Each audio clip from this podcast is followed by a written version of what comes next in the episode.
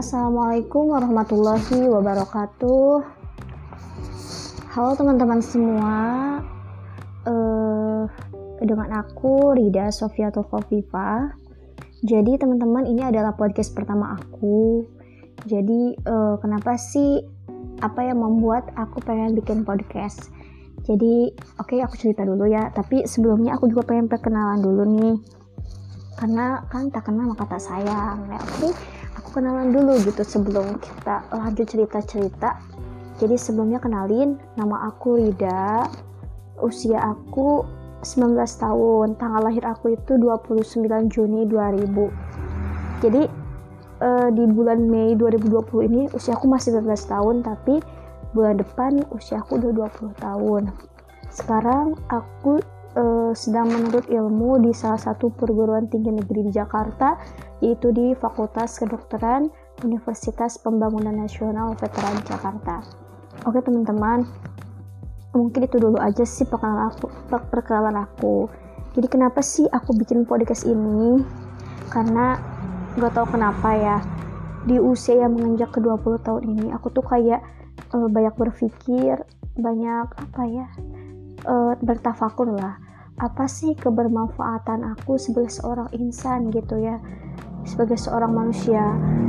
kenapa sih aku egois gitu ya? Terus-terus mencari ilmu terus-terusan uh, kayak memantikan diri sendiri ada di zona nyaman gitu lah intinya. Tapi kenapa sih ilmu aku tuh nggak dipakai buat sharing buat berbagi ke semua orang gitu? Padahal kan aku juga punya passion di dunia public speaking. Aku suka banget ya kayak pidato ceramah atau kayak ngomong-ngomong gitu. Makanya aku juga sering jadi pembawa acara ya karena memang passion aku tuh di dunia public speaking walaupun nggak masih belum bagus tapi setidaknya aku suka dan aku pengen uh, terus mencoba dan belajar gitu. Nah aku mikir di usia yang mau 20 tahun ini apa sih orang apa sih yang udah aku manfaatin dari skill aku biar bisa memanfaat orang lain gitu ngerti gak sih? Jadi intinya uh, banyak aku ngelihat kayak teman-teman aku gitu kayak ngelihat public figure gitu. Contohnya kayak Mas Patur dari yang ketua ketua BEM UGM ya. Terus uh, banyaklah public figure yang membuat aku tuh kayak oke okay, mereka bisa loh jadi seseorang yang bermanfaat gitu buat orang dengan skillnya masing-masing. Kenapa aku tuh kayak egois gitu? Masih ada di zona nyaman gitu kayak malas ke mana-mana gitu. Mereka aktif organisasi.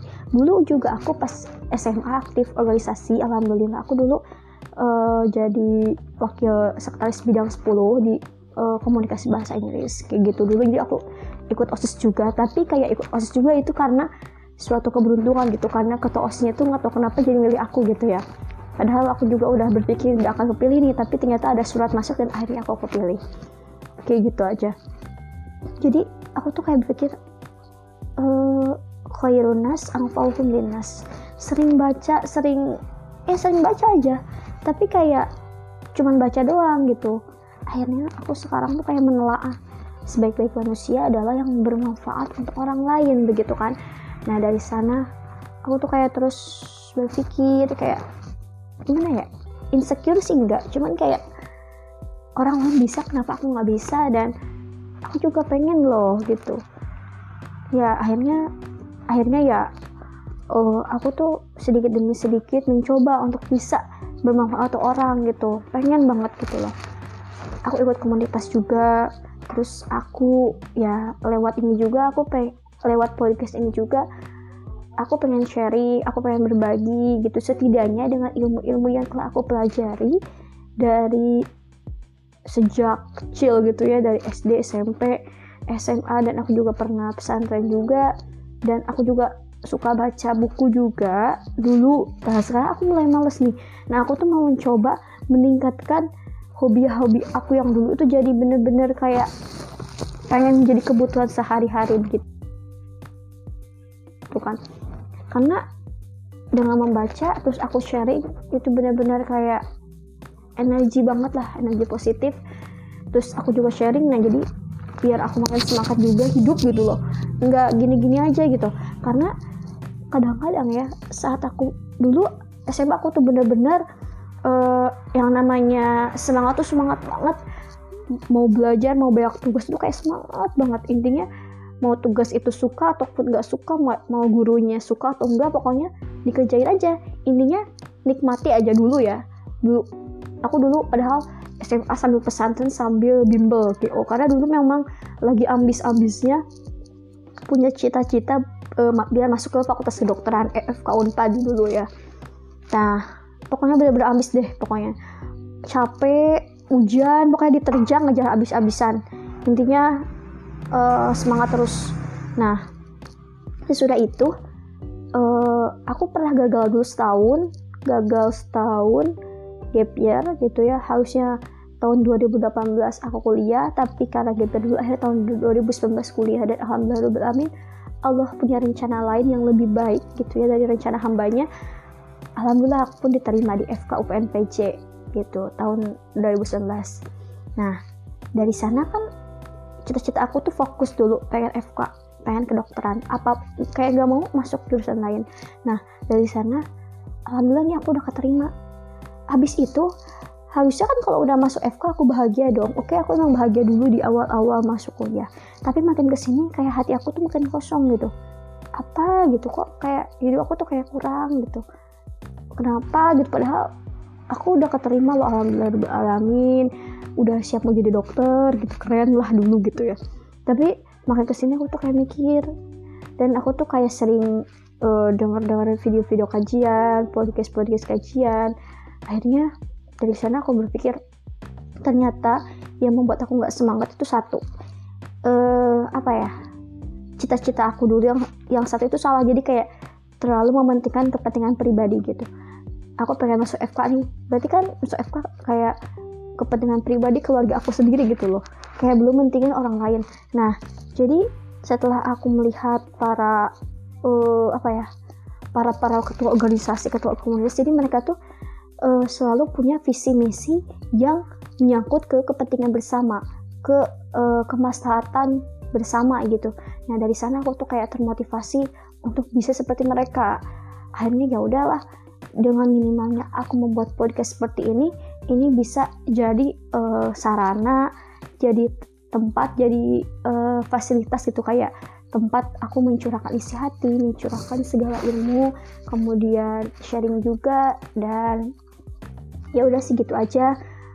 Uh, mudah-mudahan teman-teman ini podcast pertama aku mudah-mudahan teman suka dan ditunggu podcast podcast selanjutnya. Mudah-mudahan aku istiqomah untuk terus sharing gitu ya.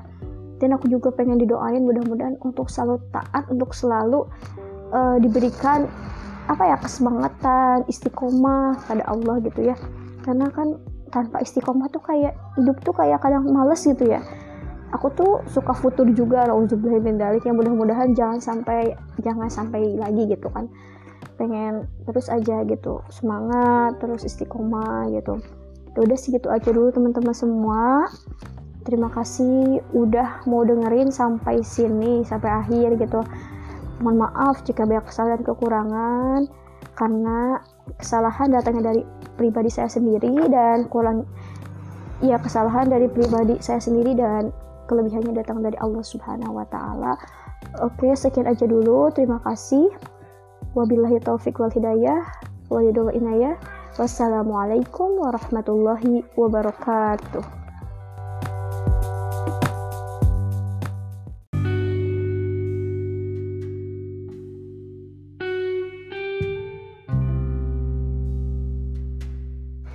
Hai teman, hai sahabat, aku mau bertanya nih, apa sih kebermanfaatan hidupmu terhadap orang lain?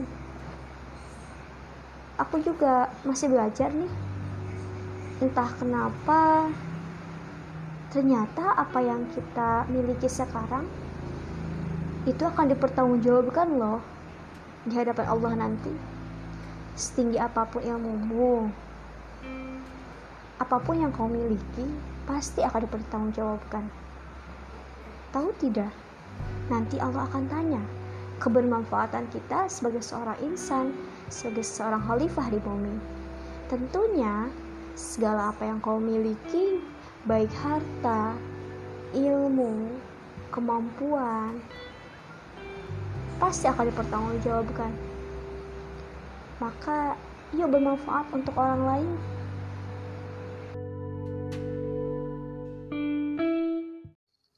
Assalamualaikum warahmatullahi wabarakatuh.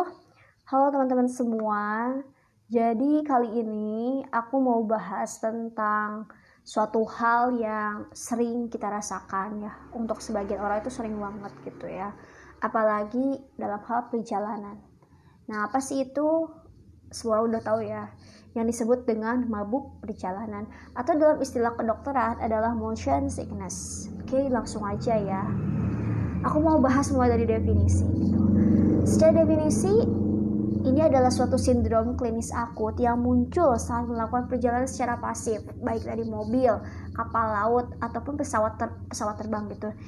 Tapi ini bisa hilang secara spontan dalam hitungan jam ataupun hingga satu hari jika stimulus stimulus eksternalnya itu hilang. Jadi uh, ya bisa hilang sebetulnya gitu tidak tanpa harus ada pengobatan intensif juga. Biasanya disebut juga mabuk perjalanan. Nah, motion sickness juga disebut dengan kinetosis atau gangguan yang terjadi pada telinga bagian dalam dan disebabkan karena gerakan yang berulang seperti gerakan ombak di luar, pergerakan mobil ataupun perubahan turbulensi udara di pesawat. Etiologinya atau faktor penyebabnya itu terjadi karena tubuh ini mengalami stimulus pergerakan eksternal karena kendaraan tadi lah ya, di mana kendaraan yang ditumpangi itu akan memberikan gerakan, memberikan stimulus kepada tubuh kita gitu. Nah, jadi kenapa sih ini bisa terjadi? Artinya ini ada otak ini menerima sinyal. Kan otak ini kan kayak menerima impuls-impuls. Tapi otak ini menerima sinyal yang berlawanan dari organ sensori mengenai orientasi tubuh begitu. Jadi ada kekacauan impuls gitu. Jadi ini ngasih info ini, ini ngasih info ini. Jadi ada perbedaan ada perbedaan informasi sehingga otak itu kayak bingung gitu. Akhirnya ya ada gangguan keseimbangan. Nah, keseimbangan ini bergantung pada empat sistem berbeda. Ada sistem vestibular, rangsang proprioseptif, penglihatan dan bata otak dasar belum. Jadi kan tadi kan merangsang keseimbangan ya. Di mana kan setiap indera dalam tubuh kita kayak mata gitu ya terus uh, ya ke penglihatan terus ke sistem vestibular juga. Kemudian ke rangsang proprioseptif kayak menimbulkan mual muntah bata otak belum itu kan memberikan impuls-impuls impuls-impuls yang nantinya si otak ini kan akan menerima. Kalau ada perbedaan kayak oh ini kayak gerakannya tuh nggak sama gitu. Atau ada informasi yang kacau gitu ya. Akhirnya kan keseimbangan jadi terganggu gitu. Jadi kayak menimbulkan rasa ketidaknyamanan ada beberapa faktor resiko usia biasanya anak usia 2 sampai 12 tahun kemudian perempuan ini lebih berisiko apalagi ibu hamil dan orang yang menstruasi kemudian orang yang memiliki migrain, perasaan takut dan cemas, dan ventilasi yang kurang di dalam kendaraan. Maka kalau cari kendaraan itu yang ventilasinya itu cukup gitu ya. Kemudian duduk di belakang atau di tempat yang tidak bisa melihat keluar jendela ini juga berisiko. Ada klasifikasi dari motion sickness ini berdasarkan penyebabnya ada sea sickness, car sickness, simulation sickness, air sickness, space sickness. Jadi kayak penyebab ini kan sih kayak pantai, mobil, simulation, udara, space tuh. Ya pokoknya karena penyebab penyebabnya sih. Kemudian prevalensinya hampir 80% dari populasi e, perahu kecil dan mobil ini cenderung paling provokatif jadi kayak lebih sering lebih sering membuat terjadinya motion sickness tersebut. Lebih sering pada wanita usia anak-anak usia 2 12 tahun orang migran iya sama seperti tadi faktor risiko yang tadi saya sebutkan. Gejala klinisnya, nah ini tanda-tanda orang yang motion sickness. Pasien merasa pusing, perasaan tidak nyaman, muka pucat, keringat dingin, hipersalivasi, hipersensitivitas terhadap bau, rasa penuh pada perut bagian atas, perasaan mual dan muntah gitu. Itu gejala klinisnya. Jadi kalau ada kalau anamnesis gitu ya, anamnesis ada pasien yang seperti ini ya sebetulnya sudah cukup gitu tanpa dia tanpa harus dilakukan pemeriksaan laboratorium. Jadi dengan anamnesis juga sudah bisa menentukan diagnosis. Nah, ini kan diagnosisnya, anamnesis tadi kan gejalanya dirasakan oleh pasien dan kondisi yang menyebabkannya seperti yang tadi saya sebutkan sesuai dengan gejala klinis. Pemeriksaan laboratorium biasanya tidak diperlukan untuk membuat diagnosis motion sickness. Pencegahan, nah ini tata laksananya bisa secara medikamentosal ataupun non medikamentosal atau bisa diberikan edukasi pada pasien. Medikamentosal, pasien ini bisa diberikan di men di di, di, di Rinet jadi kayak uh, kalau adikmu gitu uh, memang sudah terbiasa mabuk perjalanan alangkah lebih baik dia diberikan di Rinet atau contohnya tuh Antimo. 50 mg setiap 4 sampai 6 jam uh, diberikan 30 menit sampai 1 jam sebelum pergian gitu ya. Sebetulnya di Rinet ini sebagai obat antihistamin sebetulnya tapi uh, saya lupa bagaimana prosesnya tapi ini bisa dipergunakan Kemudian skopolamin transdermal 0,5 mg ini juga bisa diberikan sebagai obat antikolinergik. Kemudian edukasi. Nah, edukasi ini eh, pilihlah kendaraan yang stabil, pilih tempat duduk di depan. Tujuannya apa gitu? Agar si mata ini kan kayak melihat gerakan yang sama sesuai dengan yang tubuh rasakan gitu jangan melakukan pekerjaan atau membaca dalam kendaraan. Nah ini nggak boleh gitu ya. Karena kayak bikin pusing juga. Tutuplah mata setelah berada dalam kendaraan. Artinya ini kayak mengurangi uh, impuls gitu. Bagaimanapun mata juga sistem penglihatan kan kayak bisa mempengaruhi gitu kan. Tadi aku udah bahas tadi di empat poin apa ya? Nah poin ini buat keseimbangan kayak pas sistem yang bergantung pada keseimbangannya kan mempengaruhi kalau matanya tertutup kayak ditidurkan itu mungkin bisa mengurangi mengurangi gejala gitu. Kemudian hindari bau yang merangsang selama berada dalam kendaraan. Nah bau juga kan mempengaruhi gitu. Proprioseptif kan bisa mempengaruhi. Jadi kalau kayak menghindari bau itu bisa menghilangkan eh bukan apa kayak gejala mual muntah itu setidaknya tidak ada gitu. Kayak kayak jangan jadi hindarilah bau-bau yang memang tidak enak dicium gitu ya kayak hindari bau yang merangsang selama berada dalam kendaraan ya seperti itu. Kemudian prognosisnya dubi ad bonum lah ini baik.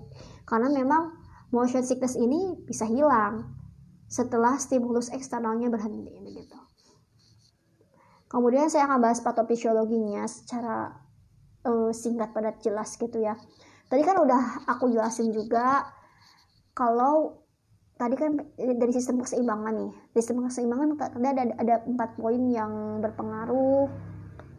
Nah yaitu sistem vestibular rangsang proprioceptif penglihatan batak otak dan cerebellum. Nah di patofnya juga ini aku uh, cantumkan. Jadi ketika mata ini mata ini kan melihat ya mendeteksi gerakan X contohnya.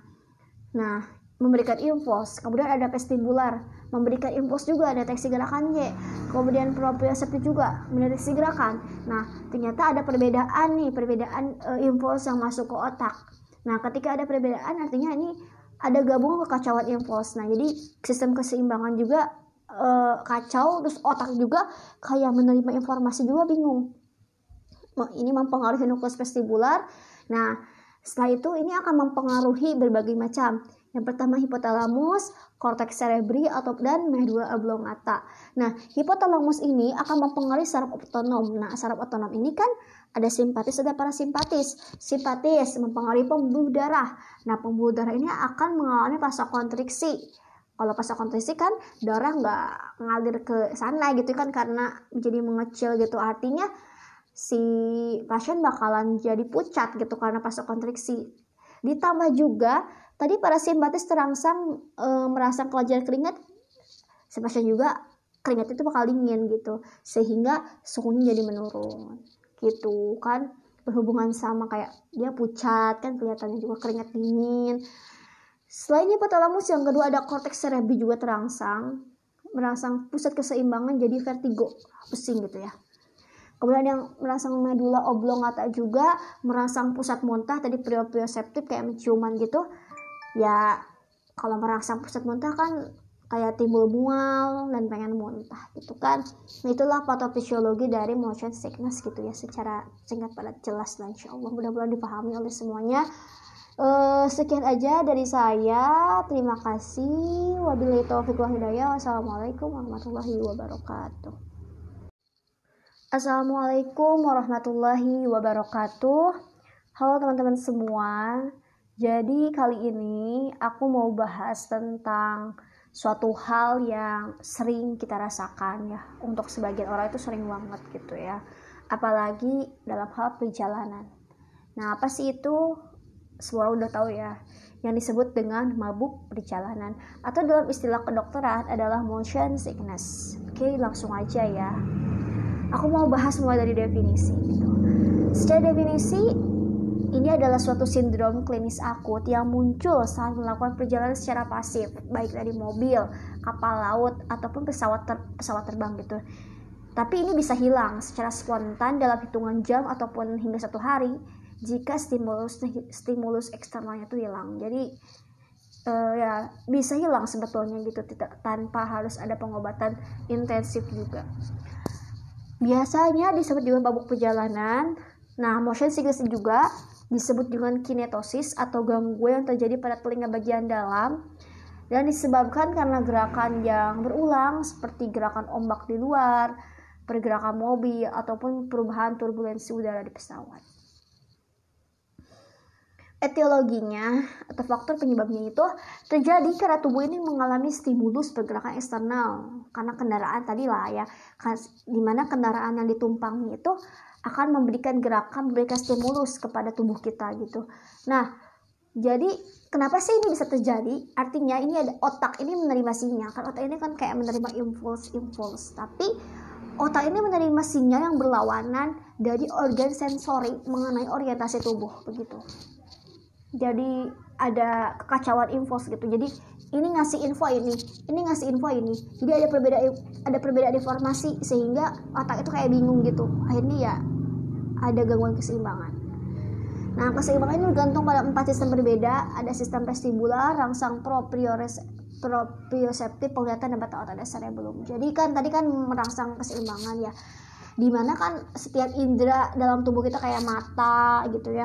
Terus uh, ya ke penglihatan terus ke sistem vestibular juga. Kemudian ke rangsang proprioseptif kayak menimbulkan mual muntah bata otak dasar belum. Itu kan memberikan impuls-impuls impuls-impuls yang nantinya si otak ini kan akan menerima kalau ada perbedaan kayak oh ini kayak gerakannya tuh nggak sama gitu. Atau ada informasi yang kacau gitu ya akhirnya kan keseimbangannya terganggu gitu. Jadi kayak menimbulkan rasa ketidaknyamanan. Ada beberapa faktor resiko. Usia biasanya anak usia 2 sampai 12 tahun. Kemudian perempuan ini lebih berisiko apalagi ibu hamil dan orang yang menstruasi kemudian orang yang memiliki migrain perasaan takut dan cemas dan ventilasi yang kurang di dalam kendaraan. Maka kalau cari kendaraan itu yang ventilasinya itu cukup gitu ya. Kemudian duduk di belakang atau di tempat yang tidak bisa melihat keluar jendela ini juga berisiko. Ada klasifikasi dari motion sickness ini berdasarkan penyebabnya. Ada sea sickness, car sickness, simulation sickness, air sickness, space sickness. Jadi kayak penyebab ini kan sih kayak pantai, mobil, simulation, udara, space tuh. Ya pokoknya karena penyebab penyebabnya sih.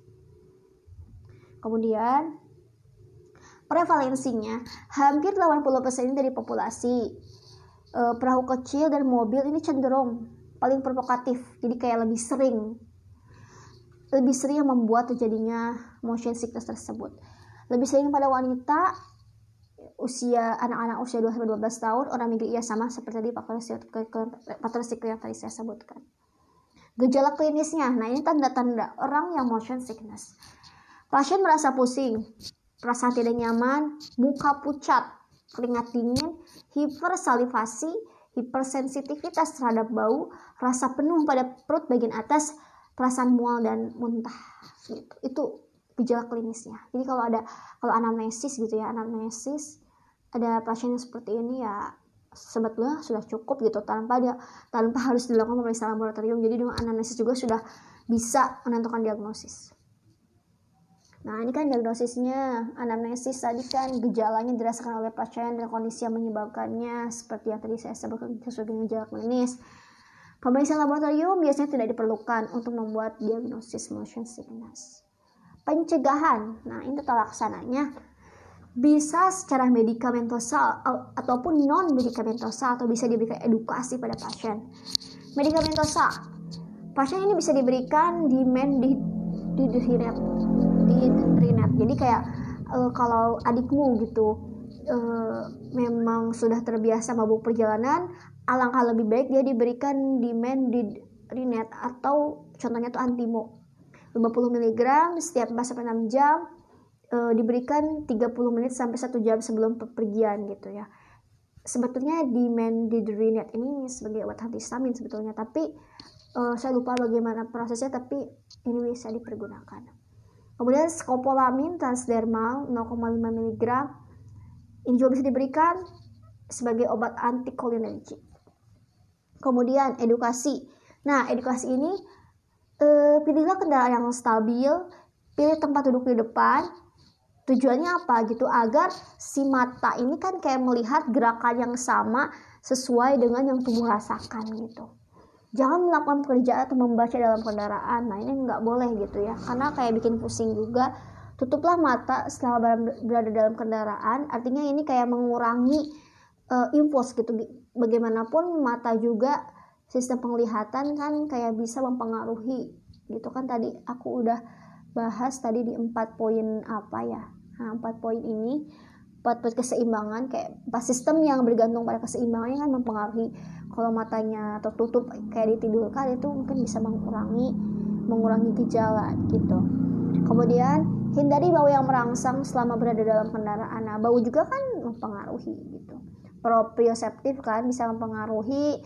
Jadi kalau kayak menghindari bau itu bisa menghilang, menghilangkan eh bukan apa kayak gejala mual muntah itu setidaknya tidak ada gitu. Kayak kayak jangan jadi hindarilah bau-bau yang memang tidak enak dicium gitu ya. Kayak hindari bau yang merangsang selama berada dalam kendaraan juga seperti itu. Kemudian prognosisnya dubian bonam lah ini baik. Karena memang motion sickness ini bisa hilang setelah stimulus eksternalnya berhenti begitu. Kemudian saya akan bahas patofisiologinya secara uh, singkat padat jelas gitu ya. Tadi kan udah aku jelasin juga kalau tadi kan dari sistem keseimbangan nih. Sistem keseimbangan ada ada ada empat poin yang berpengaruh. Nah, yaitu sistem vestibular, rangsang proprioseptif, penglihatan, batang otak dan cerebellum. Nah, di patofi juga ini aku uh, cantumkan. Jadi ketika mata ini mata ini kan melihat ya mendeteksi gerakan X contohnya. Nah, memberikan impuls. Kemudian ada vestibular, memberikan impuls juga deteksi gerakan Y. Kemudian proprioceptif juga mendeteksi gerakan. Nah, ternyata ada perbedaan nih, perbedaan uh, impuls yang masuk ke otak. Nah, ketika ada perbedaan artinya ini ada gabungan kekacauan impuls. Nah, jadi sistem keseimbangan juga uh, kacau terus otak juga kayak menerima informasi juga bingung ini mempengaruhi nukleus vestibular nah setelah itu ini akan mempengaruhi berbagai macam yang pertama hipotalamus, korteks cerebri atau dan medula oblongata. Nah, hipotalamus ini akan mempengaruhi saraf otonom. Nah, saraf otonom ini kan ada simpatis ada parasimpatis. Simpatis mempengaruhi pembuluh darah. Nah, pembuluh darah ini akan mengalami vasokonstriksi kalau pas kontrasi kan darah nggak ngalir ke sana gitu kan karena jadi mengecil gitu. Artinya si pasien bakalan jadi pucat gitu karena pas kontriksi ditambah juga tadi para simpatis terangsang e, merasa kelenjar keringat si pasien juga keringat itu bakal dingin gitu. Sehingga suhunya jadi menurun gitu kan. Berhubungan sama kayak dia pucat kan kelihatannya juga keringat dingin Selain hipotalamus yang kedua ada korteks cerebri juga terangsang, merangsang pusat keseimbangan jadi vertigo, pusing gitu ya. Kemudian yang merangsang medula oblongata juga merangsang pusat muntah tadi proprioceptif kayak menciuman gitu. Ya kalau merangsang pusat muntah kan kayak timbul mual dan pengen muntah gitu kan. Nah itulah patofisiologi dari motion sickness gitu ya secara singkat padat jelas dan insya Allah mudah-mudahan dipahami oleh semuanya. Uh, sekian aja dari saya. Terima kasih. Wabillahi taufiq wa hidayah. Wassalamualaikum warahmatullahi wabarakatuh.